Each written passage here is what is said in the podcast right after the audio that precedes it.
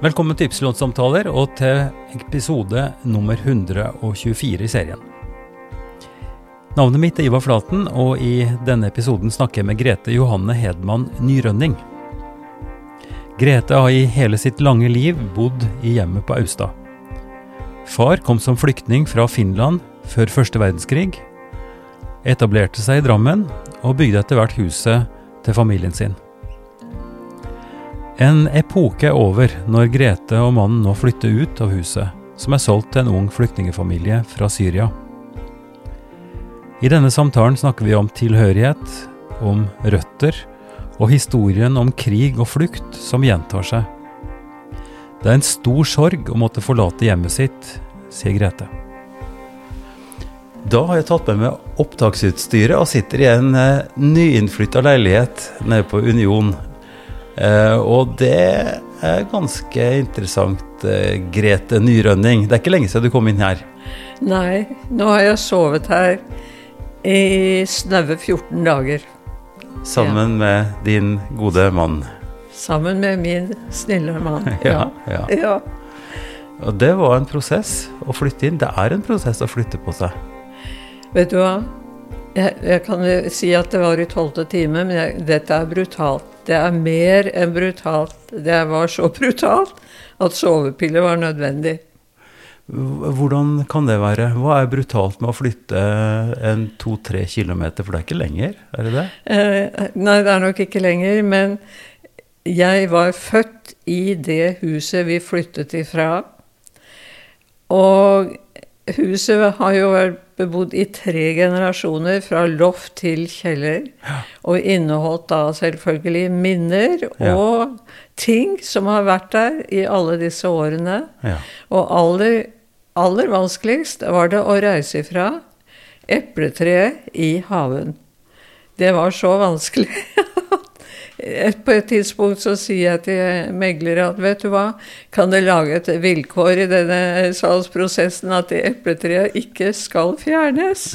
Nei, det var å gå for langt. Sånn ja. ble det ikke. Ja. Hva var det som knytter deg så veldig til det epletreet, Grete? Det ble plantet nesten samtidig med at jeg ble født. Ja. ja. Så det har fulgt oss hele veien. Fra blomstring til frukt til, og blader som faller, høstarbeidet.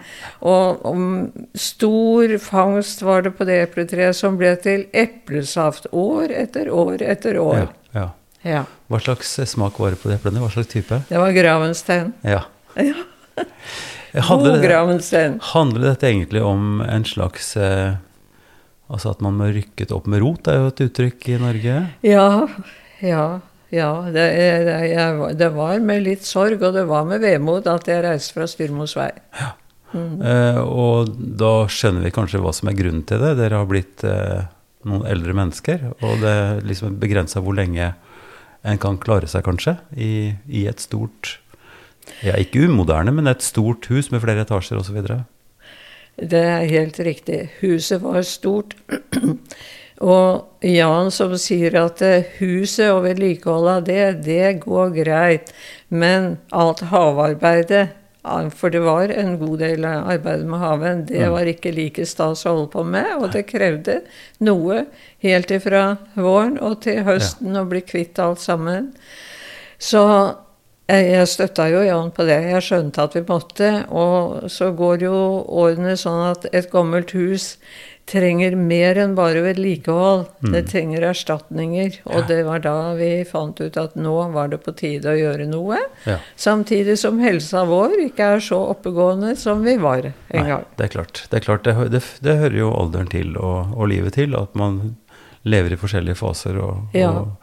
og sånn. Men, eh, men, jeg forstår jo at, at følelsene rundt dette her og, og sorgen, da, rett og slett, ved å måtte flytte, eh, den er ganske stor. Men Grete, grunnen til at vi sitter her nå, det har jo for så vidt også med, med det at røtter blir rykket opp, og, og at en flytter på seg. Eh, og det er en ganske dramatisk historie. I disse samtalene så pleier jeg ofte, og alltid egentlig, å, å snakke om hvor, eh, hvor en er født, og om foreldre og sånn. Men denne samtalen vil nok i enda større grad handle om om dine foreldre, eller din far. Ja. Eh, for når vi satt og snakka sammen sist, så, så, fortalte du om dette at dere skulle selge. Og, og, du fortalte så fint om de som skal flytte inn. Vil du si noe mer om det? Fortelle om det her? Ja. Eh, altså eh, Min far var jo fra Finland. Han var fra den svenskspråklige delen av Finland, altså fra det de kaller for Østerbotten mm. og litt syd for men, Vasa. Men, men, Grete, kan vi ikke starte med at du sier litt om de som nå skal ta over huset ditt? De som skal ta over huset? Ja, ja, for, ja. for, der ligger også noe som er litt interessant å høre før vi går inn på den store ja. historien. Ja. Det at de som ble kjøpere av vårt hus, de ga meg en stor trøst, fordi jeg følte at her var det gjentagelse av min egen families historie. Dette var to nydelige, blide, gode, unge mennesker som var flyktninger fra Syria. Ja. Mm. ja. Og de har kommet seg til Norge via sikkert foreldrene som kom først, og så var det dem. Og de har fått seg utdannelse, de har fått seg arbeid, og de venter barn. Så nå er det huset på Austad skal få barn i huset igjen, og det er jeg så glad for. Ja. Så liksom Det var jo mine, mine foreldres historie, dette her, som nå er eh, der igjen. Og det er jeg veldig glad for. Veldig glad for det. Ja. Nei, fordi du fortalte så levende og fint nettopp om dette, denne historien som gjentar seg, om, om flukt, om etablering, om det å begynne på nytt. Ja. Og, og jeg syns det er en sånn Altså Nå har dere, Jan og du, flytta hit fordi dere måtte, altså av helsemessige og åpenbare årsaker, ja. som er en kort distanse. Det er innafor samme by, det er jo ned bakken bare, ja. og dere er i samme miljø, og vi kan fortsette å møtes osv. Ja. Mens din, disse unge som du nå fortalte om, som måtte flykte fra krig, og nå har klart å etablere seg på altså Jeg har sett det igjen og igjen på overraskende og imponerende kort tid. Ja. Men din far, og da er vi også i et område som er aktuelt for så vidt som vi nå er i ufredstid. Ja. Og, og, hvor eh, det er aggresjon mellom europeiske nasjoner, hvor, hvor, Russland har gått inn i Ukraina. Ja. Og så det, er så mange lag i denne historien som vi skal få høre litt mer om. Men din far, og da må du, da må du fortelle om, om, hans eh, barndom og oppvekst i, ja. i det svenskspråklige Finland. Jeg har jo aldri møtt mine besteforeldre, men historien for hele familien, den har jeg. Mm. Og min bestefar, han fraktet varer mellom eh, ja, i nærheten av Vasa og Sundsvall. Det var liksom hans eh, båt som ble brukt den veien. Og faren min, han er født i 93, den, altså 1893. Mm den eldste av fire søsken. Mm -hmm. Og eh, Russland bestemte jo Det var vel under russisk styre i Finland den gangen. Og det var russiske gardinsoner med soldater i nærheten. Og så begynner det å nærme seg første verdenskrig. Det var masse uro i Finland. Eh, de unge menneskene var jo selvfølgelig redde, ak ak akkurat sånn som det er i Ukraina nå. Og Russland går jo inn. De går inn.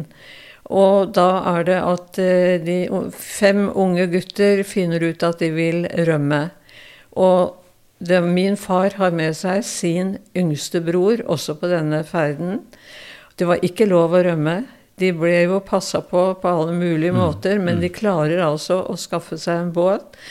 Og drar over det de kalte for Kvarken den gangen, og det er jo mellom Sverige og Finland. Og de mm. kommer i land i Sundsvall. Mm. Og der ble de over en periode, og min far og hans bror de ble værende der litt lenger. De andre guttene emigrerte til USA mm. og dro den veien. Mm. Og far han arbeidet seg videre fra sted til sted til han til slutt kom til Drammen. Ja. Og da ble hans eh, bror fikk spanskesyken, så han reiste hjem, og han døde da etter noe tid hjemme. Og, hjem, og min, hjemme, det er altså tilbake i Finland? Unnskyld? Og hjemme for han, det var tilbake til, ja, ja. til foreldrehjemmet i, ja, i, Finland. Ja, det stemmer. Eksakt, Si det igjen. Hvor i Finland eh, er dette? Dette er innenfor Karelen? Eh, det er ikke Karelen. Nei, nei. nei. Det er Eh, den lille byen heter Kaskø, og det er eh, noen mil, ni mil syd for Vasa. Ja, nettopp det sa du. Ja, ja. Ja. Den svenskspråklige delen av Finland. Ja, Så min far kunne jo ikke snakke finsk. Nei, han, Nei. Var, han var svensktalende. Ja. Mm. Og når, når, vi møtte mennesker så 'Å, er du fra Finland?' Ja, du er, du er finsk, du, da. Ja. Ja, jeg er fra Finland, men jeg er Eh, finlendere, sa han. Jeg er finlendere, med ja. andre ord svensktalende fra Finland. For det er ganske karakteristisk den svensken som eh, altså finlendere ja. snakker. Ja. Ikke sant? Den har den aksenten som eh, identifiserer det ganske lett. Ja. ja. Så, eh, hva, hva, var det han, han jobbet med? Du sier han jobbet seg videre. Vet du noe om hva han hadde som arbeid? Ja, og så han, eh, for det før de, før de virkelig fortsatte ferden eh, vestover, så angrer jo faren min. Han angrer jo. Og, og, da har han den syke broren også med seg. Så de tar faktisk toget fra, eh, fra Hernøsand, som det het, og oppover til um, grensen mellom Sverige og Finland. Nå husker jeg ikke hva den byen heter. men da er det konduktøren på toget som kommer inn til dem og sier 'Vil dere tilbake til Finland?' Så sier min far 'Ja, jeg lengter hjem'. Så sier konduktøren 'Jeg advarer dere, nå blir det borgerkrig i Finland'. Og det var jo det det ble. Mm. Så de snudde jo på stasjonen der oppe da. Og far dro da vestover. Syk bror, han ble der oppe mm. inntil han fikk hjelp og kom hjem til Kaskø. Mm. Og, og, faren min, han var utdanna eh, malermester. Ja.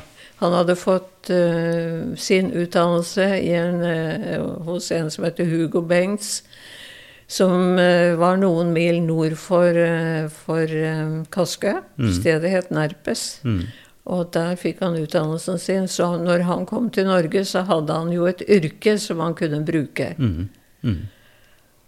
Og skal jeg fortelle mer om Ja, ja dette er interessant. Men jeg har bare lyst til, sånn, som en parentes bemerket, at spanskesyken var jo en dramatisk sykdom som Altså en pandemi, rett og slett. Ja. Eh, og i min familiehistorie også så er det ganske store ekko av den sykdommen. Ja. Fordi min mor eh, Der har jeg faktisk en egen podkast som er tilgjengelig med hennes historie fra barndom av men hun altså, har åtte søsken, så de var ni stykker i familien. Bodde på en liten, uh, liten gård i, i, på Dombås. Og da døde min bestemors søster i spanskesyken. Ja. Og hadde tre barn. Ja. Slik at eh, søskna hennes da tok til seg disse barna. Så min mor vokste da opp sammen med en fosterbror. Så de var ti til sammen da, i, i barneflokken. Eh, og, og så det er klart det sosiale hjelpesystemet og alt mulig sånt var jo helt, helt fraværende, egentlig. Ja. Så de måtte klare seg sjøl, og det var, ganske, ja. det var ganske tøffe forhold. Men din, din, onkel, da, han overlevde altså ikke heller. Ja. Mm. ja. Så kan du lure på hvorfor ble ikke min far smitta? Mm. Som jo fulgte med broren oppover til grensen. Ja. Haparanda het det stedet. Ja, ja. Han, han, døde jo da han kom hjem. Mm. Og da, da, var jo min bestemor var jo enke den gangen. Min bestefar hadde da omkommet på sjøen der. Så hun var enke. Og hun, hun hadde jo da Da var eldstemann, min far, han hadde reist. Så hadde hun da tre barn til, hvorav den minste ble født det samme året, altså 1901.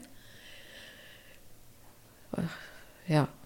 Men, men folk, folk, greier seg. Altså, de er tøffe.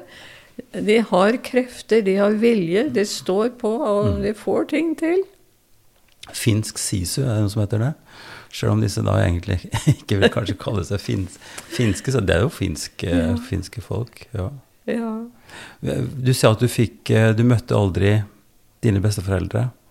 Eh, hva slags kontakt eh, husker du at det var? Altså, hadde din far Var det telefonering? Det var jo ikke så mye telefonmuligheter heller. Nei. Ikke sant? Nei. Rikstelefon, bare husk Rikstelefon var jo en stor sak i, i min oppvekst.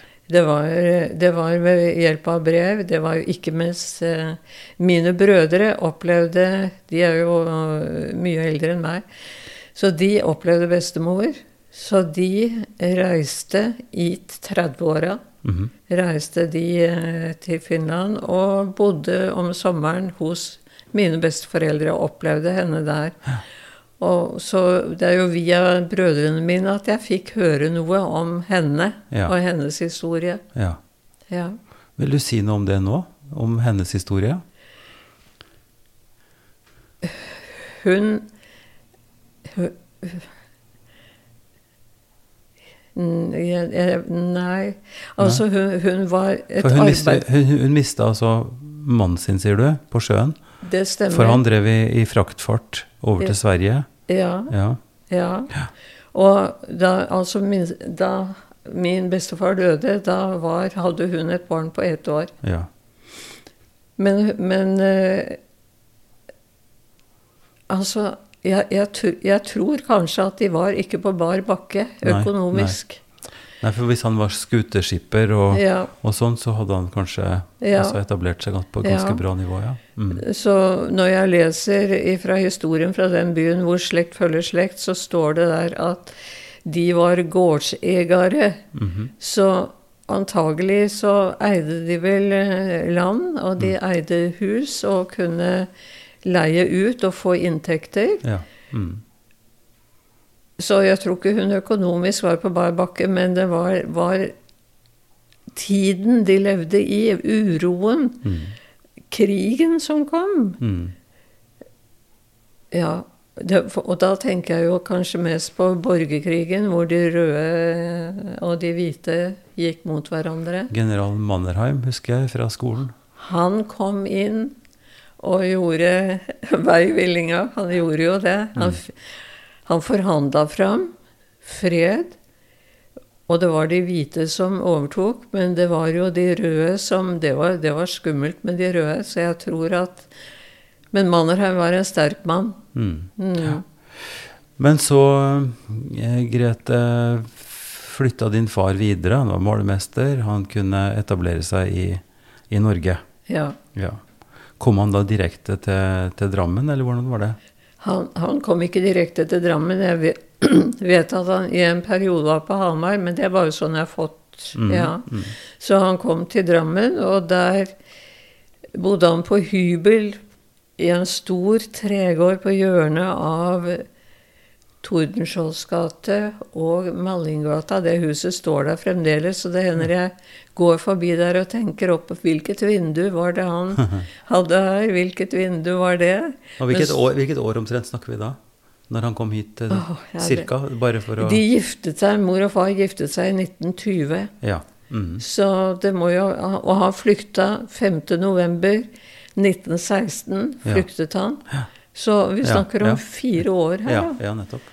Ja. Mm. Og hun, mor var jo hushjelp. Hun var født på Åmot, hun var hushjelp i Drammen. Ja. Og så treffer de hverandre, da. Ja. På, ja. Og så oppstår søt musikk, og så ja. går livet sin gang. og de finner ut at de kan ha det bedre sammen som familie enn en Da kan de jobbe for hverandre. Og da fikk min far fikk arbeid på det som den gangen het eh, Drammen trevarefabrikk. Mm -hmm. Og de hadde leiligheter som arbeiderne fikk bo i. Ja. Men da skulle de arbeide for Drammen trevarefabrikk, ikke for noen andre. Men far ville oppover, framover, han ville veie sitt eget, så han arbeidet da ekstra om kvelden for å spare penger. Og, ja. og så fikk Drammen trevarefabrikk høre at han arbeidet ekstra. Da mister de muligheten på leie i dette huset. Og da var det vel at de hadde greid å spare så mye at de kjøpte seg sitt eget hus, da. Mm. Og, og, faren min fortsatte jo som malermester eh, helt til han døde i 71. Og da var han jo ganske 70-80-åring da ja, ja. han var med. Men han var med og delta fordi at broren min overtok fabrikken, eller arbeidet. Ja. Så han uh, var med da. Men, uh, men, men, Grete, er, ikke dette også en litt sånn brutal historie om hvordan det kan være å, å være flyktning eller komme til et nytt sted? Altså at fabrikken uh, med de leilighetene som arbeiderne hadde, at de var så strenge, at de var så at de var så kjipe, vil jeg si. Altså at de tok fra han den muligheten bare fordi at han jobba så hardt. Ja. Jeg, jeg, jeg, tror ikke det er noen der som kommer hit som ikke jobber i flere, flere jobber for å etablere seg, for å få utkomme. Nei. Nei. Og så skulle det være grunn til å miste leiligheten? Ja. ja. Jeg vet ikke om de var av den oppfatning at han brukte for mye krefter, at han ikke var, hadde nok energi igjen til å gå på jobb for dem. Det vet jeg jo ikke, men jeg vet bare at slik ble det. Ja. Og det var da de kjøpte det huset som du er født i? Eh, nei. nei. Nei. Da kjøpte de seg et lite hus oppi, oppi Åsveien. Ja. Og der vokste mine brødre opp, og de hadde det veldig bra i oppveksten der oppe. De, har alltid snakka om Åsveien og hvordan de hadde det der, men det var ikke, inn, det var ikke klosett inne. Nei. Og det var jo noe av det som eh, de ville ha, da. Og da bygger de dette huset som jeg er født i. Ja. Mm -hmm. ja. Og, og, da var det at uh, Ja, han hadde vel penger, da, så han kjøpte to tomter i tillegg til han bygde dette huset. Så brødrene mine fikk hver sin tomt for å bygge hus, og jeg overtok hjemmet, og der bodde jo mor sammen med oss da, så lenge hun levde. Mm. Så det er dette huset som du nå har flytta fra. Fortell litt om, eh, om, oppveksten din der, Grete, i dette huset. Fortell litt om Oppveksten. Ja. Ja, jeg vokste jo opp da med to eldre brødre. Og jeg husker jo ungdommen deres. Jeg husker jo de møtte sine kjærester, de etablerte seg. Og jeg eh, Ja, jeg var vel bortskjemt, da. Det var i hvert fall det de sa. At jeg ble bortskjemt. Eh, ja, kanskje ble jeg det, men jeg hadde det godt. Jeg hadde det så godt i dette hjemmet. Og jeg husker jo, fordi jeg er født i 38, så husker jeg jo deler av krigen. Og jeg husker eh, at jeg var mye redd. Mye redd. Altså eh, disse bombeflyene, vinduene som måtte dekkes til.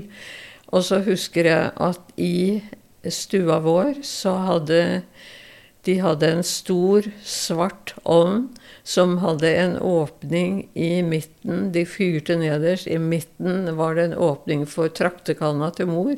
Ja som sto der og bobla lyden av disse boblene som kom opp mens det sakte ble varmt. Og jeg satt på fanget til mor.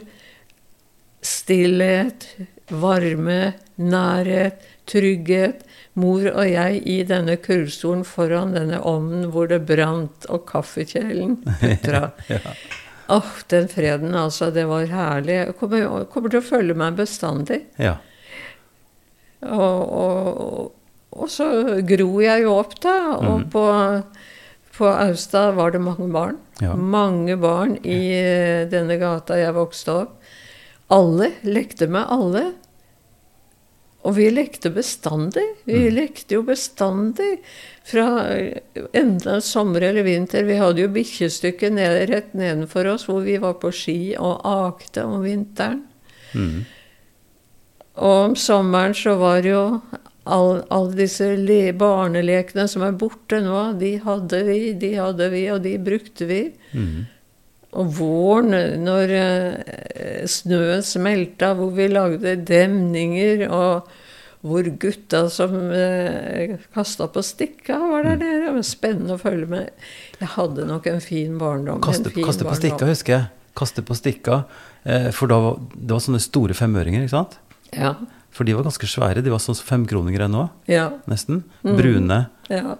Og da var poenget at du skulle Det var jo en sånn var, altså, Jeg husker mine foreldre og sånn, de syntes ikke det var så veldig bra, fordi det var jo en slags pengespill. Ja, ja. Ville de si da. Ja. Man skal ikke drive og tulle med penger. Ja. Fordi da var det om å gjøre, og, da hadde vi en sånn viss avstand, så var det en, en strek. Ja. Eh, satte, satt opp en strek i, i, på bakken liksom, der Stemmer. det var litt sånn våt jord. Ja. Og så var det om å kaste ja. Disse fem, kroner, eller fem ørene ja. nærmest mulig streken. Og den som kom nærmest, fikk alt. Han fikk alt, ja. Det stemmer, jeg husker dette. Og det var jo spennende å se på dem òg, men Du var ikke var med? Var ingen ikke... jenter, det var gutta. Mm. Ja. Akkurat. De hadde, hadde noen da, penger i hånda, og så mm. var det om å gjøre. Mm. Men, siden, siden, vi nå starta ut med dette perspektivet at din far måtte flykte, og hadde en litt annen dialekt, eller snakka på en litt annen måte Jeg har jo latt meg fortelle at også i Drammen så var det ganske stor skal vi si, ikke mistenksomhet, men folk likte ikke å skulle ha hybelboere fra Nordland f.eks., eller Nord-Norge. Ja. hadde du på noe tidspunkt noen følelse av at faren din var annerledes, eller at det var noe vanskelig rundt det? Nei. Nei, det kan jeg ikke huske. Kan ikke huske det. Kanskje nesten Kanskje nesten tvert imot. Altså, du, jeg husker at um, det var nød i Finland. Mm. Det var nød i Finland. Og det kom jo henstillinger fra Finland til Norge. Hjelp oss. Mm. Og Norge sendte sild. Det var sild de sendte. Ja. Men hva, hva, hva, gjorde de i private hjem? Og da var det at mor og far brukte sine bekjentskaper. De kommer til mor og far og sier 'Kan du gi oss en adresse?' Kan du gi oss en adresse? Og det var eh, Hvor mange som var, det kan jeg ikke si, men de kom til oss og fikk navnet på eh, innbyggere i denne Kaskø, hvor de sendte pakker dit og, og, og fikk brev tilbake at pakkene var kommet. Mm. Så hvis det skulle vært noe mistenksomhet rundt det, så hadde de vel ikke vært frivillige på den måten. Nei. Og jeg kan til og med huske at da jeg eh, Jeg vet ikke hvor gammel jeg var, ja, men da var det smørmann som kom på døra og solgte smør. Han kom på bestemte dager. Jaha. 'Skal du ha smør?' Jo, mor skulle ha smør. Og så ble han jo også informert om hvordan det var eh, i Finland, nøden der. Og da sier han at Og da skulle vi reise. Det var i 1947 hvor jeg var der første gangen. Vi skulle få reise dit. Mm. Og da kommer han med en kartong Freias melkesjokolade kan dere ta med den og dele til barna? Og selvfølgelig kunne vi det. Ja. Og det, det, det ble jo samla unger. Det ble samla barn, da. Vi bodde hos min tante da. Og, og barn, barn, kom, og barn fikk sjokolade. Herlighet var Oi, oi, oi. Ja, det var, det, var, det var, jo stort. Det var jo vi som kom med sjokoladen, men det var jo ikke ja, Det var jo bare vi av oss, da. Ja, ja. ja, ja. Eh, så jeg tror at det at far var fra Finland Menneskene hadde ikke kommet der hvis det skulle vært nei, vanskelig nei, nei. sånn. Nei, jeg skjønner det, men det er jo, det er jo den følelsen nå eh, ja. at eh, Som noen kanskje vil si at vi blir på en måte overveldet av flyktninger. Altså at vi får for mange, at vi, det blir for mye for oss. At, ja. uh, at den norske stat ja, bruker for mye penger og sånt. Ja. Det vil si, den, den har jo forandra seg ganske mye når vi nå tenker på de ukrainske flyktningene. Ja. For der, der en tidligere snakka om at en kanskje kunne ta 2000 eller 3000 eh, flyktninger fra Syria eller andre steder i verden hvor det er stor nød, så er vi nå oppe i kanskje 30 000 i løpet av Altså før jul. Ja. Og statsministeren sa vel nå her om dagen at, at det fort kan bli betydelig mange flere Stemmer. gjennom vinteren. Ja. For nå er det nød i ja. Ukraina, slik som det var nød i Finland. Mm. Men, men, nøden i dag, i forhold til mennesker som flytter i dag, det er jo som en flodbølge. Dette som skjedde den gangen, merket jo ikke vi noe det var, det var, nok ikke på samme måten som det Nei. er i dag. Nei. Så det var ikke like massivt, naturligvis. Det var ikke like voldsomt. Men eh, når du, når du da etter hvert eh, vokste opp i, eh, i, denne leken som du beskriver så godt, altså en slags eh, idyll, egentlig, ja. eh, på, nede på Austad, like ved Austad gård um, så hvordan altså Jeg pleier også å spørre litt om hva slags forhold familiene har til kirke og til tro. Eh, vi har jo møttes i Fjell kirke, så du har jo det med deg tydeligvis. Men hvordan var det i ditt barndomshjem? Der, der var det mor. Mm. Mor som var den uh, trygge mor jeg kunne gå til. Ja. Det var, det var, ikke sånn med min far. Og heller ikke med brødrene mine. Men det var mor. Og, og for, hennes, for, altså, hennes foreldre, der var det også mor som uh, var den trygge delen av troen. Det var mor. Mm -hmm. Så sånn har det nesten forplanta seg da, fra generasjon til generasjon. Husker du om dere gikk eh, det var, Er det Strømsø kirke da, som var nærmest, eller hvor var det dere gikk hvis dere gikk til kirke? Det var Strømsgodset kirke. Strømsgodset var det, ja. ja. Mm. Der, der, er jeg døpt. Mine brødre er døpt der. Jeg er døpt, jeg er konfirmert, jeg er gift, våre barn er døpt der. Og så ble det forskjell på grensene. Mm. Så kom vi til Strømsø. Ja. Så mine barn, de er konfirmert i Strømsø kirke. Ja. ja. Mm. Men forholdet, eller følelsen av Strømsgodset kirke en liten, varm, koselig, intim kirke. Den er så fin. Mm, ja, ja. Men nå er det jo Fjell kirke som, eh, som drar. Nå, nå er det liksom blitt den sosiale biten også i Fjell kirke. Ja. Så eh, dit går jeg gjerne. Og Jan, selvfølgelig. Ja, ja, gjerne dit. Nei, det er interessant hva som gjør at en knytter seg til. Og, og, for de fleste familier så er det som du sier, altså man har familiehistorie ved at man har gått til den kirken når det er store begivenheter. Eh, med, med dåp og konfirmasjoner og bryllup og alt. Eh, men så er det òg helt åpenbart den altså, Vi kunne snakke mye om dette, men, men, hva det er som gjør at en har en tilhørighet til en tro, eller til Du sier din trygge mor. Altså at, at det var noe der som, som ga noe som ikke far på samme måte kunne bidra med, eller hva, Kan du si noe mer om hva er, hva er dette for noe? Hva, hva, hva, er det du husker tilbake Hva er det som er viktig i dette, i denne relasjonen til ja. til, eh, til, tro. Ja. Vet, uh, den gangen så Danvik kristelig ungdomsskole. Mm. Eller folkehøyskole, som det heter nå. Ja. Både mor og far hadde tilknytning til den. Jaha. Til de som ja, Vigeland het vel han som Ja. Mm. De hadde tilknytning og, og kontakt med Vigeland. Mm -hmm. Og det, eh, derfor var det en del eh, besøk da, nede på den uh, ungdomsskolen ja. som det er i dag. Ja, ja. Og der var det en dame Og hva het hun? En nydelig eldre dame som mm. hadde søndagsskolen. Ja, ja. Og, og vi, vi, ble jo invitert hjem til henne. Barna kom jo hjem til henne. En nydelig dame. Og, og, vi fikk, både mor og jeg fikk veldig god kontakt. Far var, var på siden. Mm. Der var det Vigeland og far. Ja. Ja. Men, men uh, vi fikk jo kontakt med hun uh, Æsj, at jeg ikke husker navnet. Ja. Men hun, det var en varm, varm, varm dame som en eller annen grunn så var hun opptatt av meg. Så når noe skjedde, da, det skulle være noe spesielt i jul eller sånn, så ville hun at jeg skulle fram. Mm -hmm. Jeg skulle fram, jeg skulle si litt, jeg skulle synge. Mm -hmm. Så jeg likte meg veldig godt der. Og, mm. og det ble jo også til, så langt som til og med konfirmasjon. -hmm. Så hadde jeg kontakt med henne. Ja. Ja. ja. Så hun, hun var nok uh, god grunn til at jeg uh, gikk den veien jeg gikk. Ja, ja. ja.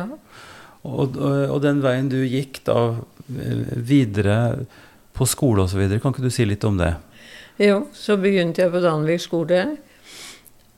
Og eh, ja, jeg gikk alle årene på, på Danvik skole. Mm. Og i siste året så var det klasseforstanderen vår eh, veldig begeistra for klasseforstanderen vår. Alle var ikke det, men jeg var det. Mm.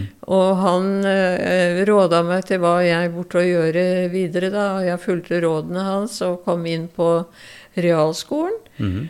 Og, og, greide meg bra gjennom det. Men så, så ville jeg ikke på, på gymnaset. Jeg ville ikke dit. Jeg ønska meg inn på eh, Statens kunst- og industriskole i Oslo. Ja.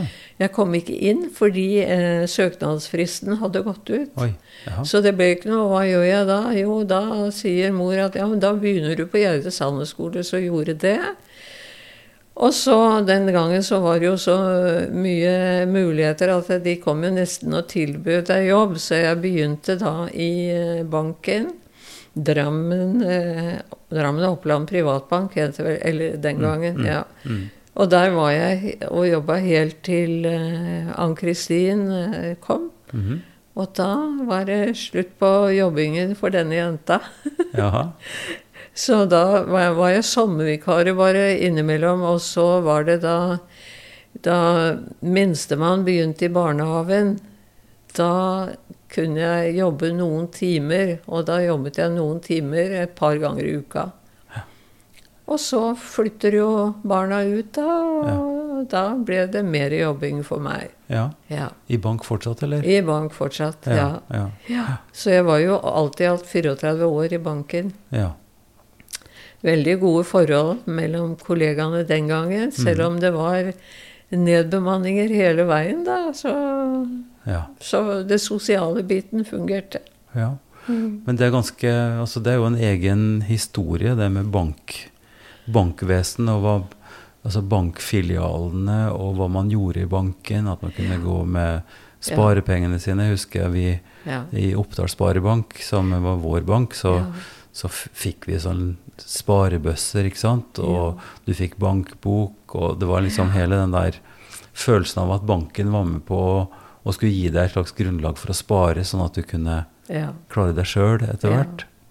Stemmer. Eh, mye, mye, av det som, eh, som nå er borte. Nå, nå, kan du ikke gå til banken med, med penger lenger, nesten. Nei. Nei. Altså, det er merk merkelige ting, men at man ikke skal kunne levere kontanter i banken, det er liksom vi, vi, Det er ikke plass til oss der lenger. Nei. Nei. Og, og, er det den samme utviklinga du ser, altså nedbemanning og, og, eh, effektivisering og automatisering, mm. digitalisering, alt det mm. som At vi nå bare har telefonen vår og kan gjøre ja. alt mulig på, ja. på telefonen? Eh, det menneskelige, det medmenneskelige, det blir mer og mer borte. Kontakt med mennesker blir borte. Hva, og hva er, vi, hva er, det vi, gjør? Mennesker med mobiltelefon hele tiden. Ja. Bare triller barnevogn med mobiltelefon. Mm. Ja. Men eh, kan jeg gå tilbake i tid? Kan jeg gå tilbake Jeg tenker på Jeg reiste til eh, Det var ikke så sprekt med, med etter, etter annen verdenskrig. Det var ikke så sprekt eh, i forhold til hva vi hadde, hva vi trengte. Alt var på rasjonering. Mm. Jeg visste ikke hva sjokolade var. Jeg visste ikke hva en banan var. Visste ingenting om dette her. Og da jeg i 1947 fikk være med til Finland for første gang, mm. Det var jo ikke noe fly den gangen. Det var nattog til Stockholm. Mm. Og det var eh, båt med overnatting til Helsingfors. Mm. Det var overnatting i Helsingfors og nattog derifra og oppover dit vi skulle. Mm. Men opplevelsen av å gå av toget i Stockholm og komme inn på Stockholm stasjon hvor det var bananer og appelsiner. Det var sjokolade. Det hang sånne svære kjærligheter ned. De hadde et platetyggegummi. Vet du, jeg kom inn der og så alt dette her. Det var, det var en så rar følelse, altså. Jeg, og det var ikke sånn at 'Å, jeg vil ha det. Å, jeg vil ha det. Å, kan jeg få det?' Nei, det, var, det var, tok helt overhånd, alt det som de hadde som jeg aldri hadde smakt, aldri hadde sett. Det, er ikke det ganske spesielt? At vi, altså, vi vet jo at det var forskjell på Norge og Sverige under krigen. Ja. Eh, Sverige som nøytralt land, såkalt. Ja. Eh, og, og, Norge som eh, Ja, som var Altså, Norge i utgangspunktet var jo et mye ja. fattigere land. Eller altså en utkant. Eh, mye, mye enkle forhold. Ja. Når jeg tenker på ja, så Jeg kunne si mye om både min mors og, og vår oppvekst i Oppdal ja. med, med, et veldig enkelt, eh, gammelt eh, ja, hus i, på en gård. Ja. Men men hva Det var virkelig så stor forskjell, altså, at det var en helt annen Det var omtrent som å komme til Amerika, eller det var, det var, det var velstand i forhold Ja. å komme til, til Stockholm. ja. Absolutt. Ja. Det var det. Det var helt overveldende. Helt overveldende. De hadde alt. Alt jeg aldri hadde verken sett eller smakt. Mm. Ja. Og, da, og når du da kom derfra igjen og over til Finland, det var liksom å komme Da var det tilbake til en type norsk virkelighet, eller hvordan var det?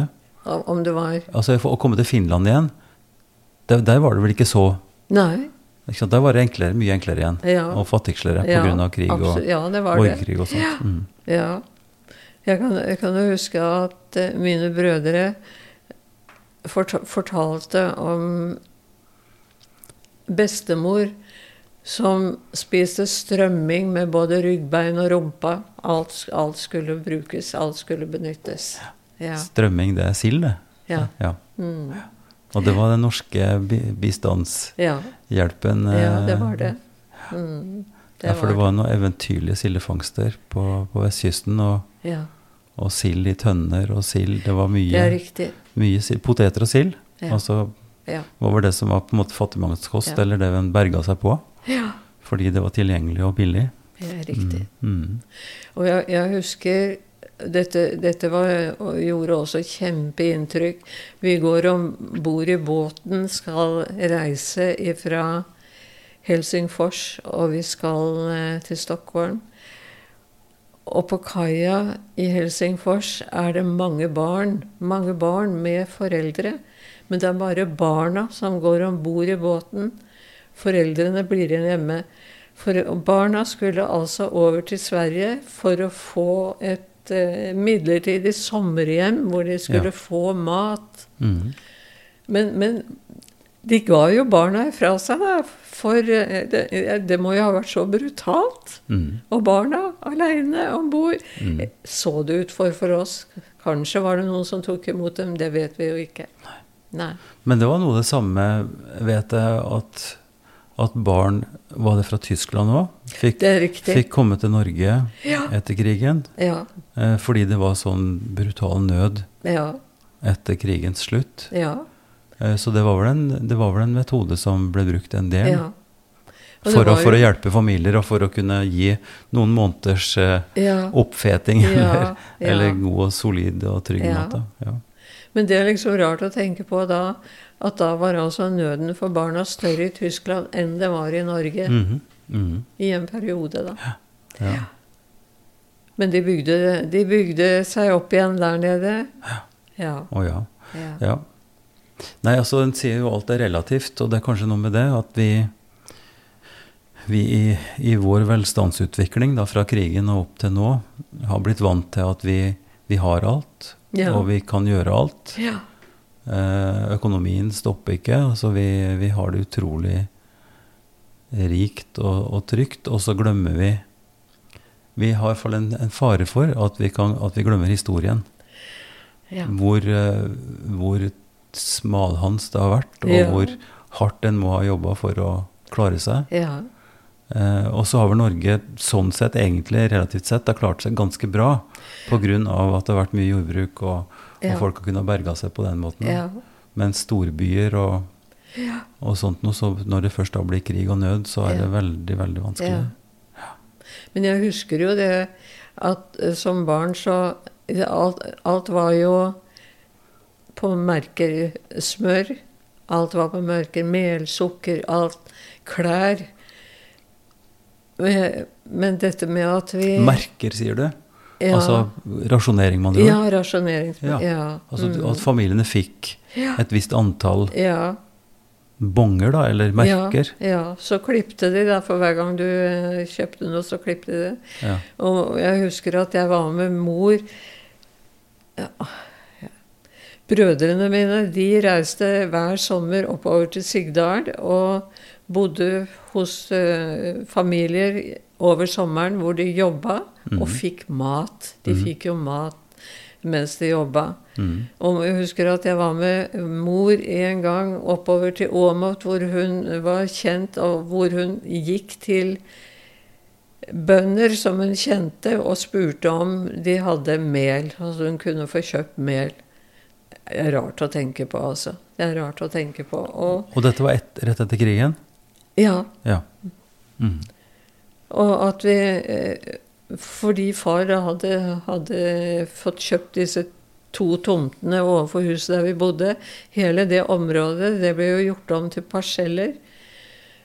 Som eh, naboer og kjente og ukjente var der oppe og hadde sine stykker hvor særlig poteter Hele området med poteter der oppe. Så eh, vi, vi, greide, eller, vi, vi, greide oss jo. Mor og mm. far greide seg, da. Mm. De fikk skaffet seg frukttrær, ikke sant. Så mm. plantet far frukttrær.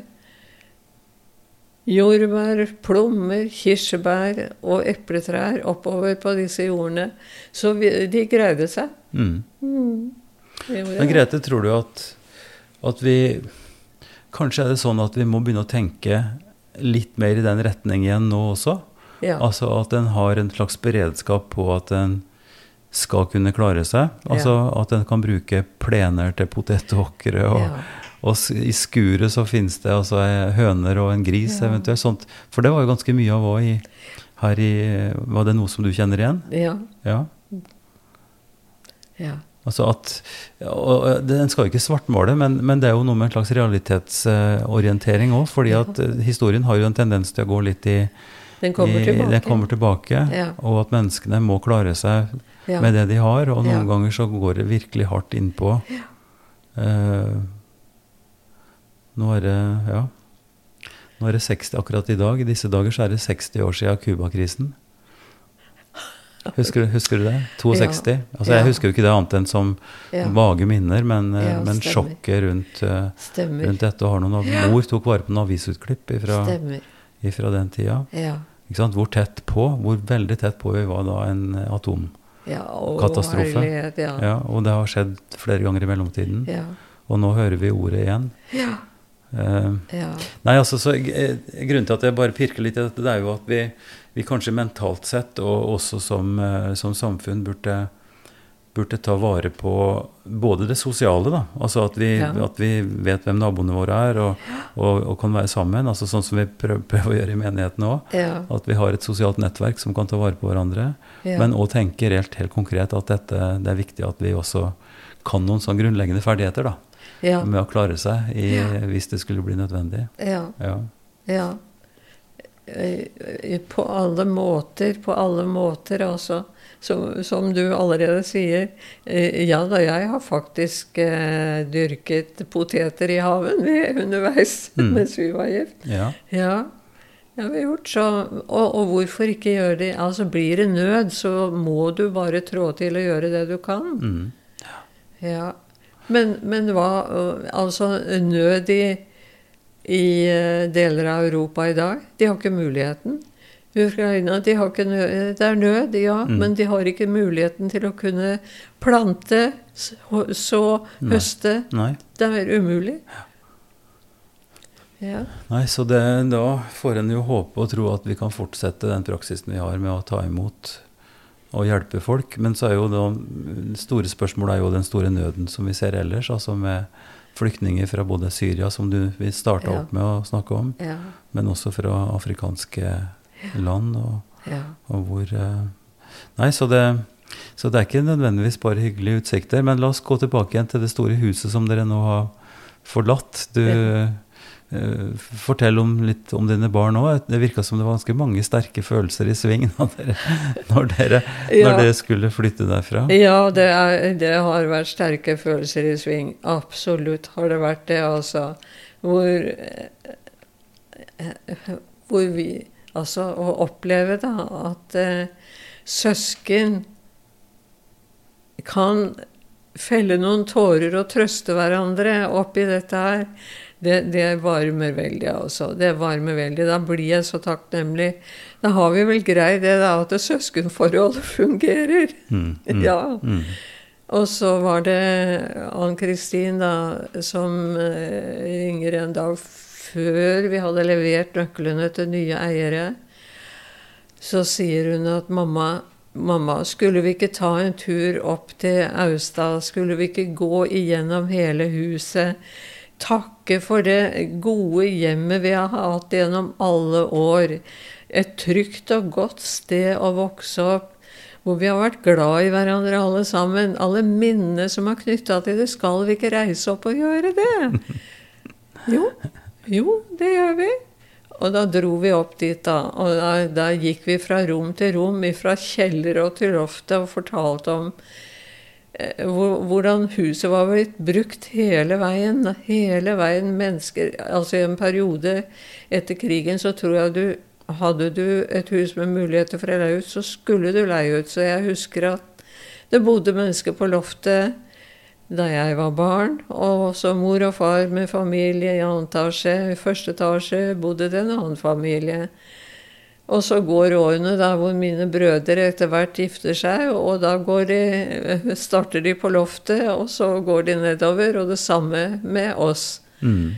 Så, så, det var så mye historie der. Så der satt vi og fortalte. Ann-Kristin forteller om sine opplevelser, og hvordan hun hadde det, hvordan hun satt i senga og kunne se langt bortover Styrmosvei. ja. Så ja, vi, så hun hadde med tre glass Ann-Kristin og en flaske med Drambuie. Og så tok vi Hun kjørte jo, og Jan kjørte, så det var en liten smak i Drambuie da, hvor vi takker for til huset, og hvor vi reiser derifra. Men siden så mange reiser bare fra huset og tenker ikke mer på det. Sånn har det ikke vært for oss. Nei. Vi har vært i kirken på Fjell.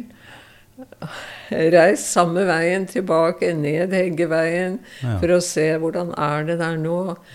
Jo da, disse bærer inn ting. Full flytting er 1.11., men de, de, forbereder seg, står der, og vi går inn og snakker med dem. Og de er bare så blide og hyggelige. Og takke takk for at det lå en historie om hageplantene når vi kom hit. Takk for at det sto en blomst på bordet og ønska velkommen. Ja, Nei, de er så gode. De er så gode, disse menneskene også. Men jeg syns det her er en så utrolig sterk historie, og det har, har fått også flere si, litterære spor. Det er mange som skriver om hus. Ja. Eh, og, og, som skriver om nettopp det samme som du nå så veldig vakkert beskriver, altså med de sterke følelsene, som i deres tilfelle, takk og lov, er sterke og gode følelser. Men det kan òg være tilsvarende vanskelige følelser ja. i en oppvekst, i, i relasjoner, i familier og sånt. Ja.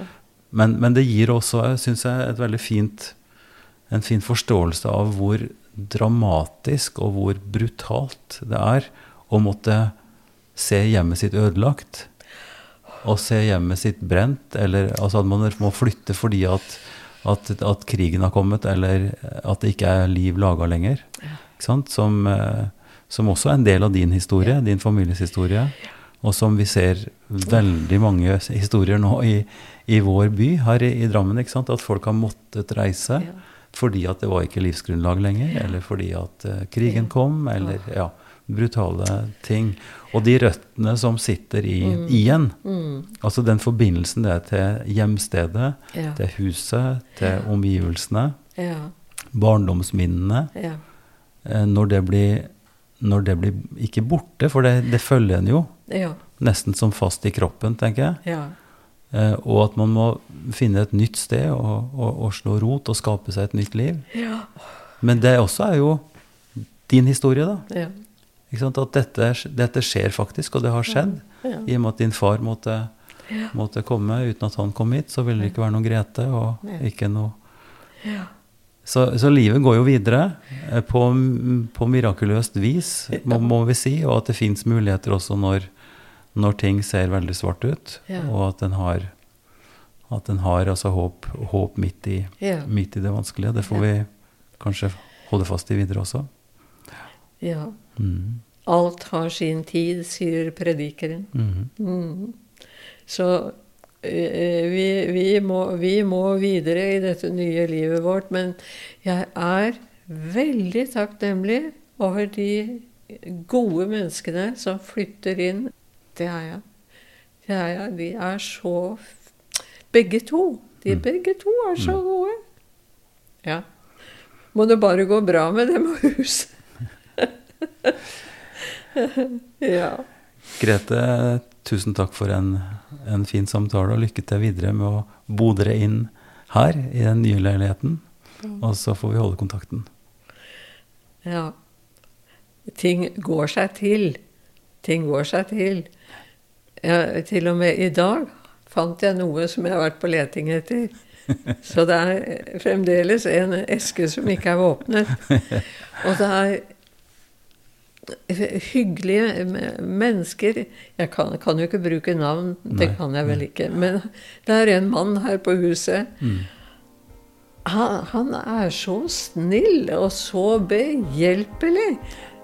Og så sier at Men, men vi, dette, vi, må jo få betale deg for dette. Jeg føler jeg må betale deg. Så sier han at det er en glede å hjelpe. Det er en, og han smiler, og han er nei, Det er så Du vet, vet du hva?